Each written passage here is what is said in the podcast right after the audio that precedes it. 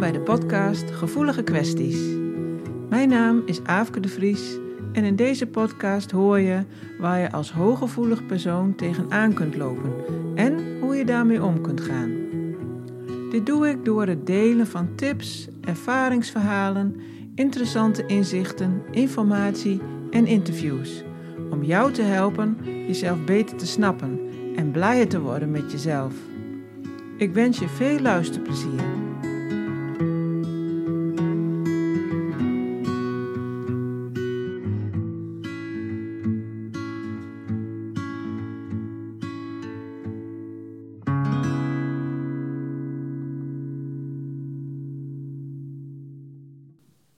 Ik denk dat de meeste mensen die bij mij geweest zijn voor coaching wel eens een oefening gedaan hebben waarbij ze hun grens aan moesten geven. Dit is meestal een uh, ongemakkelijke oefening, maar het gevoel wordt dan wel heel erg herkend. Want er komen dan meestal allerlei vergelijkbare situaties naar voren waarbij je dat gevoel hebt ervaren. Dat er over je grens werd gegaan en hoe lastig dat was om er iets van te zeggen en hoeveel spanning en ongemak dat opriep. En diezelfde oefening kan ook pijnlijk duidelijk maken hoezeer je zelf over je eigen grenzen gaat. Uh, door je bijvoorbeeld af te stemmen op de ander, of je eigen ongemak niet serieus te nemen, of zelfs helemaal aan jezelf uh, te gaan twijfelen. Nou, in alle gevallen is het toch belangrijk om te leren voelen wat er nou gebeurt in je lijf en met je emoties als iemand over je grens gaat. Of als je zelf over je grens gaat. Want als je dat herkent, dan is dat in ieder geval al de eerste stap. En het wordt dan een soort herkenningsteken in situaties die nog gaan komen. En de tweede stap is dat je die grens aangeeft. Of dat je je uit ergens over. Ik kom daar straks nog even op terug over hoe je dat zou kunnen doen. En als je iemand bent die over je eigen grenzen gaat, dan is de tweede stap dat je je signalen serieus neemt en daar consequenties aan verbindt. Dus bijvoorbeeld dat je iets niet doet of dat je rust neemt. Maar waarom is het nou belangrijk dat je luistert naar je grenzen en dat je ze aangeeft?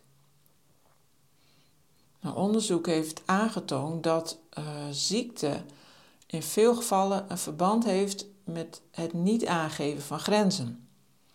Met andere woorden, het onderdrukken van jezelf of het aanpassen van jezelf ondermijnt je immuunsysteem. Nou, dat is natuurlijk interessant, want het geeft meteen aan hoeveel consequenties het kan hebben als jij je grenzen niet serieus neemt. Als je als kind bijvoorbeeld uh, hebt geleerd dat je niet boos mag zijn, of dat je je maar beter niet kunt uiten, dan leer je om jezelf te onderdrukken. Maar waarom doe je dat dan? Nou, er zullen vast wel uitzonderingen zijn van kinderen uh, die zich ondanks alles toch wel durfden te uiten. Maar de meeste kinderen voelen zich afhankelijk van de zorg van de ouders of de opvoeders. En je weet dan intuïtief uh, dat je niet het risico moet nemen om je ouders te verliezen of bij hun uit de gunst te raken. Want dan krijg je geen zorg meer. En je oerbrein, dat is het oudste deel van je brein, uh, dat registreert dat als een levensbedreigende situatie. Dus vanuit een overlevingsmechanisme pas je je aan. En hier begint het dus al hè, dat je leert om over je grenzen te gaan of te laten gaan. Maar het wel voelen van je emoties, en zoals, uh, ja, dan kun je denken aan, even grof gezegd, angst, verdriet of boosheid. Er zijn nog allemaal nuances in te benoemen natuurlijk. Maar het niet uiten daarvan uh, produceert stresshormonen in je lichaam. Dus je voelt het wel, maar je uit het niet. En die stresshormonen die tasten je immuunsysteem aan. Nou, zeker als je een hooggevoelig brein hebt, ben je extra vatbaar voor stress. Als je wat meer wil weten over hoe dat precies zit, dan kun je ook uh, aflevering 2 beluisteren van de podcast. Die gaat over prikkels. Of je kunt informatie vinden in mijn blog op de website, zoals uh, het artikel over hoe het brein van een HSP werkt. Dus eigenlijk voor iedereen, maar ook zeker als hooggevoelige, is het belangrijk dat die stress weer zakt. Um, want als je leert om weer te luisteren naar je fysieke signalen en je emoties, en als je dat kunt uiten, dan zakt je stressniveau en je gaat je immuunsysteem weer beter werken. En het aangeven van grenzen kan daar dus zeker bij helpen. In feite is dat, is dat vergelijkbaar met hoe een gezond immuunsysteem zelf ook werkt. En die reguleert wat er wel of niet binnenkomt. Als het die taak niet uit kan voeren, doordat uh, stresshormonen de boel in de war schoppen, word je dus sneller ziek. Wat ik van verschillende leraren die ik heb gehad heb geleerd, is dat gronden heel belangrijk is voor een hoogsensitief persoon. En dat gronden en grenzen met elkaar samenhangen. Als je goed gegrond bent en goed met je aandacht in je lichaam zit, kun je beter signaleren en je grenzen voelen. En als je goed je grenzen bewaakt, kun je beter gronden. En dat gronden, of ze noemen het ook wel aarden, uh, dat helpt om uit je hoofd te komen en in je lichaam. Het is niet alleen maar wortels schieten de grond in, wat, wat je wel eens vaak hoort, maar het is ook heel erg aanwezig zijn met je aandacht in je lichaam, in plaats van om je heen of alleen maar in je hoofd zitten. En dat helpt om stress af te voeren. En ook om verbinding te voelen met de aarde en de natuur. En persoonlijk heeft gronden mij heel erg geholpen. Ik moest echt leren om uit mijn hoofd te komen en mijn lichaam te voelen. En dat is nog steeds een aandachtspunt voor mij. Maar omdat ik dat nooit geleerd heb als kind, en juist wel geleerd heb om alert te zijn en mijn omgeving te scannen op gevaar, werd ik een soort wandelend hoofd. En dat hoofd was vooral bezig met alles en iedereen om haar heen, behalve met zichzelf. En naast mijn onveilige thuissituatie werd ik op school ook regelmatig gepest of buitengesloten. En voelde mezelf sowieso al anders dan andere kinderen. Dus ik had mijn handen vol aan mezelf aanpassen en inschatten wat er van mij werd verwacht. En dit patroon kwam later overal terug, op opleidingen, op het werk, in relaties en in vriendschappen. Ik bleef me over mijn grenzen gaan omdat ik het niet eens door had. Ik kon het echt niet voelen, omdat ik totaal niet gegrond was. Hierdoor had ik eindeloos veel fysieke en psychische klachten en viel ik meerdere keren langdurig uit. En nog steeds is het een valkuil en moet ik er al alert op zijn. Maar ik kan nu wel beter signaleren. Niet altijd, maar ik herken dan wel de lichamelijke klachten die zich dan vanzelf aandienen. Je zou kunnen zeggen, dan is het al te laat, maar het is beter dan helemaal niet, zoals het eerst was.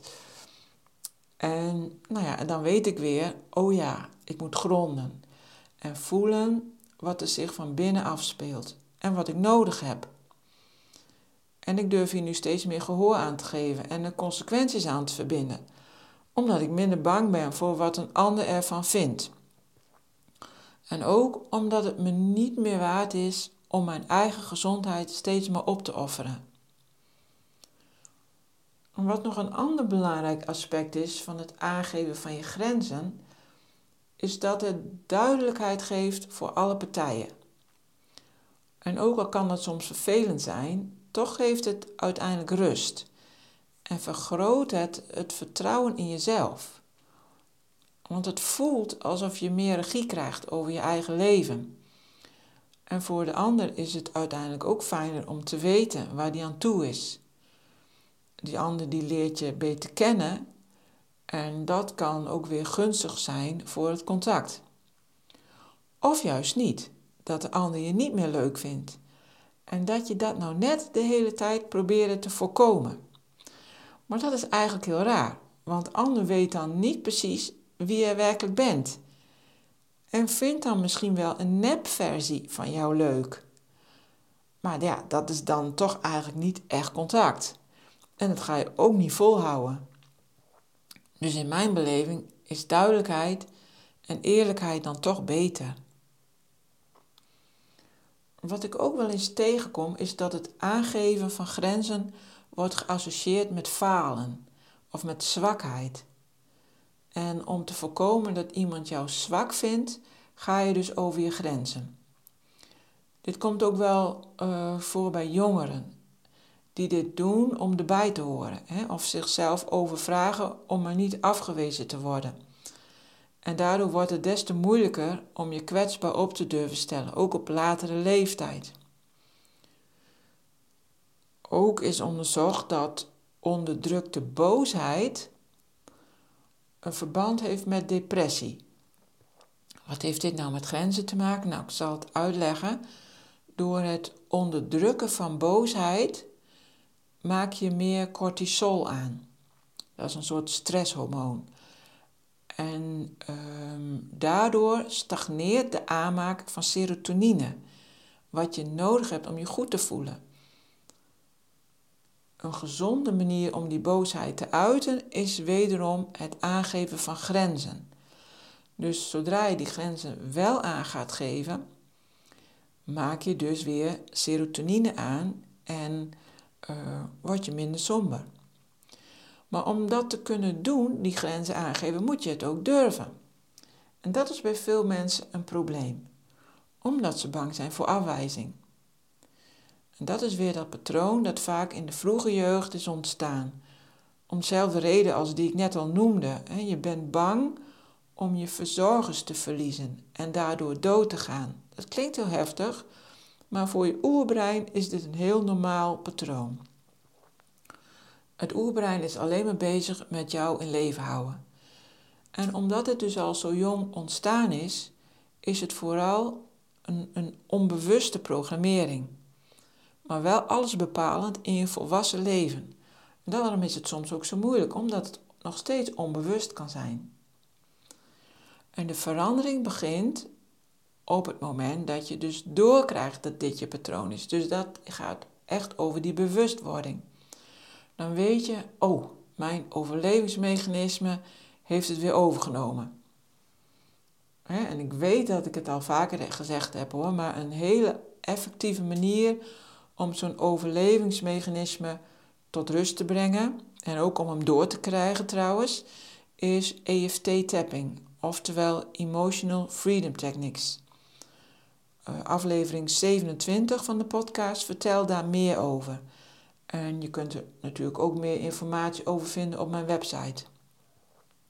Maar zodra je dus je patroon doorkrijgt, je wordt je er bewust van en je weet hoe je die bijkomende stress weer naar beneden kunt krijgen, dus uh, bijvoorbeeld door die EFT of ademhaling, dan komt er ruimte en misschien ook wel moed of vertrouwen voor het aangeven van je grenzen. Want dat is lang niet altijd makkelijk om dat te durven. En daar zijn verschillende manieren voor.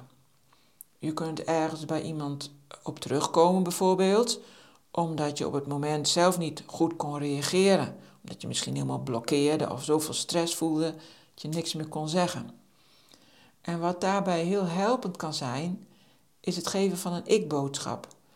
Een ik-boodschap kun je natuurlijk ook op het moment zelf geven als dat je lukt. dat is nog niet altijd zo makkelijk. En een ik-boodschap begint met ik. En je houdt het heel erg bij jezelf. Dus je zegt wat je vindt of wilt. En het liefst benoem je daar ook een gevoel of beleving bij.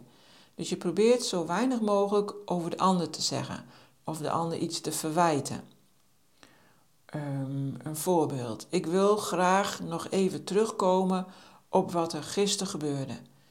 Ik zou graag willen dat je gewoon tegen me praat in plaats van dat je tegen me gaat schreeuwen, want ik word daar bang van en ik blokkeer daarvan. Nou, als de ander dan met een tegenargument komt, bijvoorbeeld dat hij of zij is gaan schreeuwen omdat hij of zij zich machteloos voelde en zich niet gehoord voelde door jou, dan kun je zeggen: Ja, dat begrijp ik. En ik wil ook graag van je horen waar dat voor jouw gevoel door kwam. Maar ik kan er niet tegen als je gaat schreeuwen. Dus dan herhaal je de ik-boodschap. En je vraagt ook naar de beleving van de ander. En op die manier kun je in gesprek met elkaar komen. Als de ander geen respect heeft voor je grens, dan zul je er een consequentie aan moeten verbinden. Dus bijvoorbeeld, ik ga nu weg. Of uh, ik wil pas weer met je praten als je rustig bent. Je begint steeds weer met ik. Blijft het zich herhalen, dan zou volgens mij de meest gezonde optie zijn dat je het contact met deze persoon verbreekt. Nou, is dat niet mogelijk? Ehm, zoek dan hulp of ga er met iemand over praten om te kijken wat er wel mogelijk is. Of dat, je om, om, uh, ja, steun, dat iemand jou ondersteunt in een gesprek. Dat zou ook kunnen. Nou, en grenzen aangeven gaat niet alleen over jezelf beschermen tegen iets. En wat mij betreft zou de nadruk mogen liggen op jezelf toestemming geven er te mogen zijn. Dat betekent dat je mag voelen wat je voelt en dat je dat gevoel serieus mag nemen en een gehoor aan mag geven. En dat betekent dus ook dat jij je eigen ruimte helemaal in mag nemen. Daar geef je jezelf toestemming voor. Je hoeft jezelf niet aan te passen of kleiner te maken. En ik bedoel dat natuurlijk wel op een gezonde manier. Dus niet dat het ten koste van anderen gaat. Want gezonde grenzen voelen uh, en aangeven betekent ook dat je de grenzen van anderen respecteert. Of van dieren of de natuur. En je geeft dan automatisch ook toestemming aan andere levende wezens, om het maar zo te zeggen, om hun eigen ruimte in te nemen. En je bent dus niet bezig met tegen de ander zijn, maar voor jezelf. Daarom werkt het zo goed om de ik-boodschap te geven, want dan hou je het bij jezelf. Je kunt dit ook in je voorstellingsvermogen oproepen, door bijvoorbeeld een ballon om je heen te visualiseren. En die ballon die stelt aan jou ruimte voor, die je helemaal op mag vullen. Je kunt het nu bijvoorbeeld eens doen. Doe dan even je ogen dicht en stel je dan voor dat die ballon helemaal om je heen zit. Aan alle kanten ongeveer een halve meter om je heen. Ook onder je voeten door en boven je hoofd. Dus je zit dan helemaal in die grote ballon.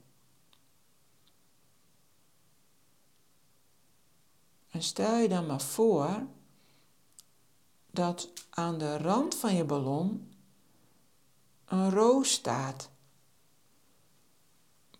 Bijvoorbeeld tussen jou en de ander.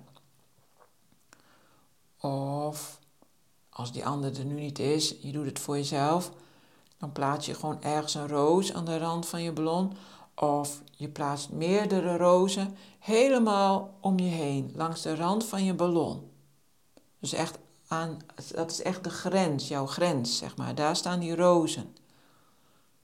En je kunt je ballon of je ruimte ook nog een kleur geven. Dat helpt soms in de visualisatie, hè, zodat je heel goed de totale omvang van jouw ruimte ziet. En ga maar helemaal met je aandacht naar je lichaam en naar de ruimte om je heen, maar in je ballon. En vertrouw er maar op dat de roos jouw ruimte beschermt en tegelijkertijd de ander of de rest van de wereld alle ruimte gunt die buiten jouw ballon is.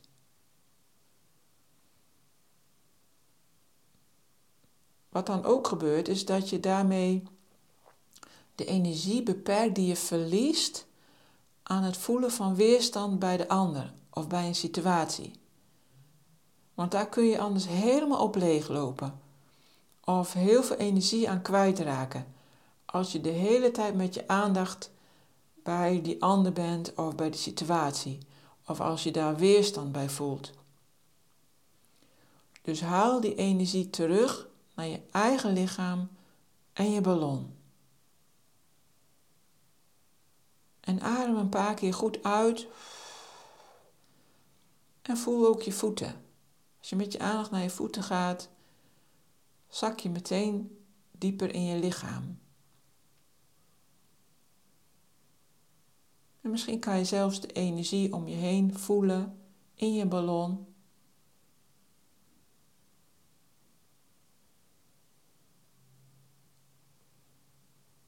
En je kunt deze ballon ook visualiseren voordat je ergens naartoe gaat of iemand ontmoet. probeer het maar eens uit en kijk maar wat het effect is. Nou, ik heb ook nog een klein e-boekje gemaakt over grenzen. Die kun je gratis downloaden op mijn website. Gewoon op de homepage en dan een klein stukje naar beneden scrollen. Dat zijn geen lange teksten, maar gewoon kort en duidelijk.